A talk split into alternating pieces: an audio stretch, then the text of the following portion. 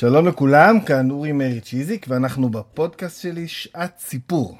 פודקאסט בו אני מביא בכל פרק טקסט אחד מהספרייה שלי, הספרייה של המרכז להנהגת הבריאות. אני מספר על הטקסט ומקריא אותו. היום אנחנו בפרק ה-11, שבו נקריא את המבוא לספר תולדות הלחם. אני אספר לכם קצת על הספר תולדות הלחם. עם השנים אני קיבלתי כל מיני ספרים מיוחדים מכל מיני אנשים. זה תמיד מאוד מאוד אה, מרגש אותי לקבל אה, ספר חדש. וזה אה, ספר שאני לא הצלחתי כל כך להתחקות אחר המקור שלו. זה ספר שנקרא תולדות הלחם. אני יודע שהוא נדפס בארץ ישראל בשנת 1948 בתל אביב. אני יודע שהוא לא נכתב בעברית, כי כתוב שהוא מת ה' עין יעקב, אבל תורגם לעברית על ידי יגאל קמחי, והוא עוסק בתולדות הלחם. יש פה סיפורים על גבי סיפורים, זה ספר עם הרבה מאוד עמודים. על כל ההיסטוריה של הלחם, בטח אנחנו נחזור אליו במהלך הפרקים של הפודקאסט הזה מספר פעמים, אבל אחד הדברים שהכי משך אותי בספר הזה, זה, הפת, זה פתח הדבר שכתב המחבר, שכמו שאמרתי, לא הצלחתי להתחקות עליו אז אני, אחריו, אז אני לא יודע עליו ממש הרבה. אני גם לא יודע מתי הספר נכתב, אני יודע רק מתי הוא יצא בארץ ישראל. גם אין את השם שלו פה באנגלית, ממש דל פרטים המצב פה. אמ, אבל פתח הדבר של הספר הזה הוא מדהים מדהים, ואותו אני רוצה להקריא לכם. הוא פותח בסיפור שזה בעצם הסיפור שהוביל אותו לכתוב את הספר הזה. אז אני אקריא לכם עכשיו את הסיפור המדהים הזה, קצר. פתח דבר. זוכר אני כאילו אירע הדבר רק אתמול, כבן ארבע או חמש הייתי ונתגוררתי בעיר גדולה, בעיר שבה נולדתי. ישבתי על גבי כיסא גבוה לבדי במשרדו של דודי. דודי היה סוחר בתבואות, אבל אני לא ידעתי פירושו של דבר. דומני שלהוריי היו עניינים במקום אחר והשאירו אותי כאן על מנת לשוב אחר כך ולקחתני. ישבתי לבדי. סוף סוף ירדתי מעל הכיסא, כיוון שרציתי לגעת בדברים הזהבהבים שהיו פזורים על פני הרצפה. הרצפה כולה הייתה מוערמת בדברים נוקשים וחורקים אלה. לא נעימה הייתה תחושתם בידי. לאמיתו של דבר יראתי אותם. ניצנים שנדמים היו חלקים כמשי, והם חדים ומחוספסים. חספוסם היבש שרט בכף ידי, וריחם היה חריף באפי. היו להם שערות רכות וארוכות שצצו מעל ראשים קטנים וקשים. דומה היה לי שחזיתי כדוגמתם לעתים קרובות ברחוב. כלום לא היו בדיוק כמו אותם הגרגרים הקטנים שנפלו מתוך כיסא המאכל של הסוסים? ירא הייתי את הסוסים והתחלתי בוכה. דודי חזר ונכנס אל החדר, נושא תיבה בידו. תמה היה לראות אותי בוכה. למה בוכה אתה, שתיה? אינך יודע מה זה? וקירב את התיבה אל לחיי. נדגדגתי והטתי ראשי ממנה. עשב, מלמלתי.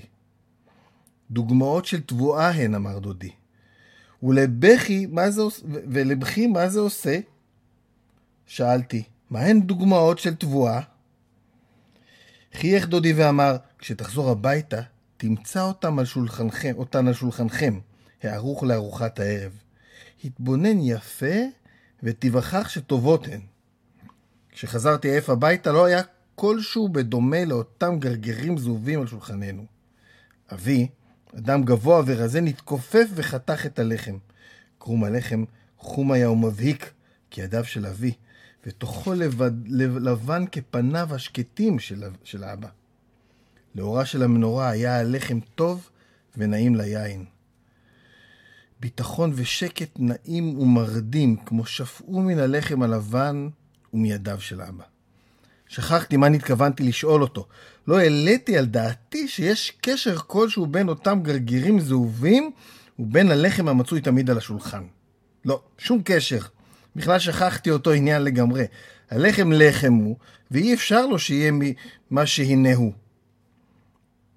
שנים לאחר מכן, בשנת 1920, סחתי זיכרון נעורים זה לטבע, לטבעוני הגדול, גיאורג שוויינפורט.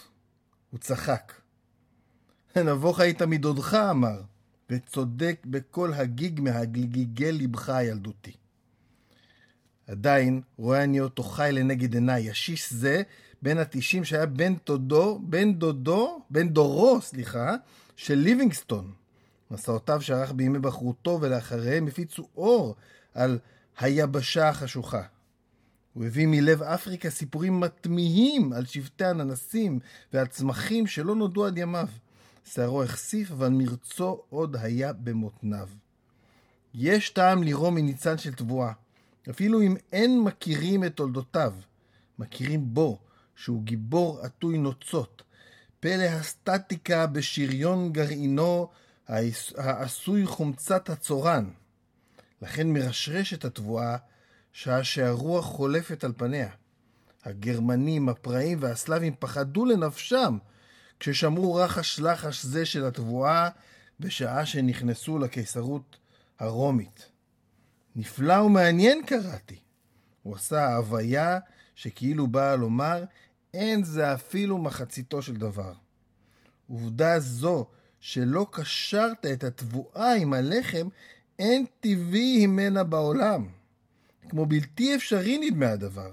עשרות אלפי שנים חלפו עד שלמד האדם לאפות לחם מן הזרעונים, שהיה אוכל אותם תחילה כלואים או כדייסה דחוסה. ומי המציא את הלחם? אין לדעת דבר זה, אבל בלי ספק היה זה האדם שהיה בן לאותו עם מיוחד שידע למזג בו את סבלנותו של העיקר ואת סקרנותו של הכימאי. אין ספק שהיה זה מצרי. אה, ובכן, מאז ימי מצרים ועד היום לא ירד הלחם מעל שולחננו? לא ולא השיב. לעתים קרובות לא יכול היה העיקר לזרוע את תבואתו, מפני שכלי עבודתו נלקחו ממנו מחמת אולם של המיסים. מעשה מדכא הוא זה. אולם יש גם מעשיות משמחות על אודות הלחם. הסיפור הנפלא ביותר שאני יודע הוא אולי זה שהלחם בן אלפי שנים עוד לא תם דברו באפייה. הטבעוני, העיקר, הטוחן והאופה עדיין מוסיפים לעשות בו ניסיונות. כל מעשה הלחם מעמיק הוא מאוד. זהו מעשה חברותי, טכני, דתי, מדיני ומדעי כאחד. גם דתי? שאלתי בתמיהה. כמובן, הלחם היה לו תפקיד חשוב בתולדות הדתות. מרבית אמונות התרבות הגדולות ביקשו להיות תחילה ולהוסיף ולהישאר דתות של לחם. ולמה אינך כותב מעשה רב זה, שאלתי, תולדות הלחם במשך עשרות אלפי שנים? הבעת פניו הפכה מפוכחת וזקנה מאוד. לפתע נתחלף דיבורו והיה כשל מלומד זקן, או כשל מדינאי שיצא בדימוס.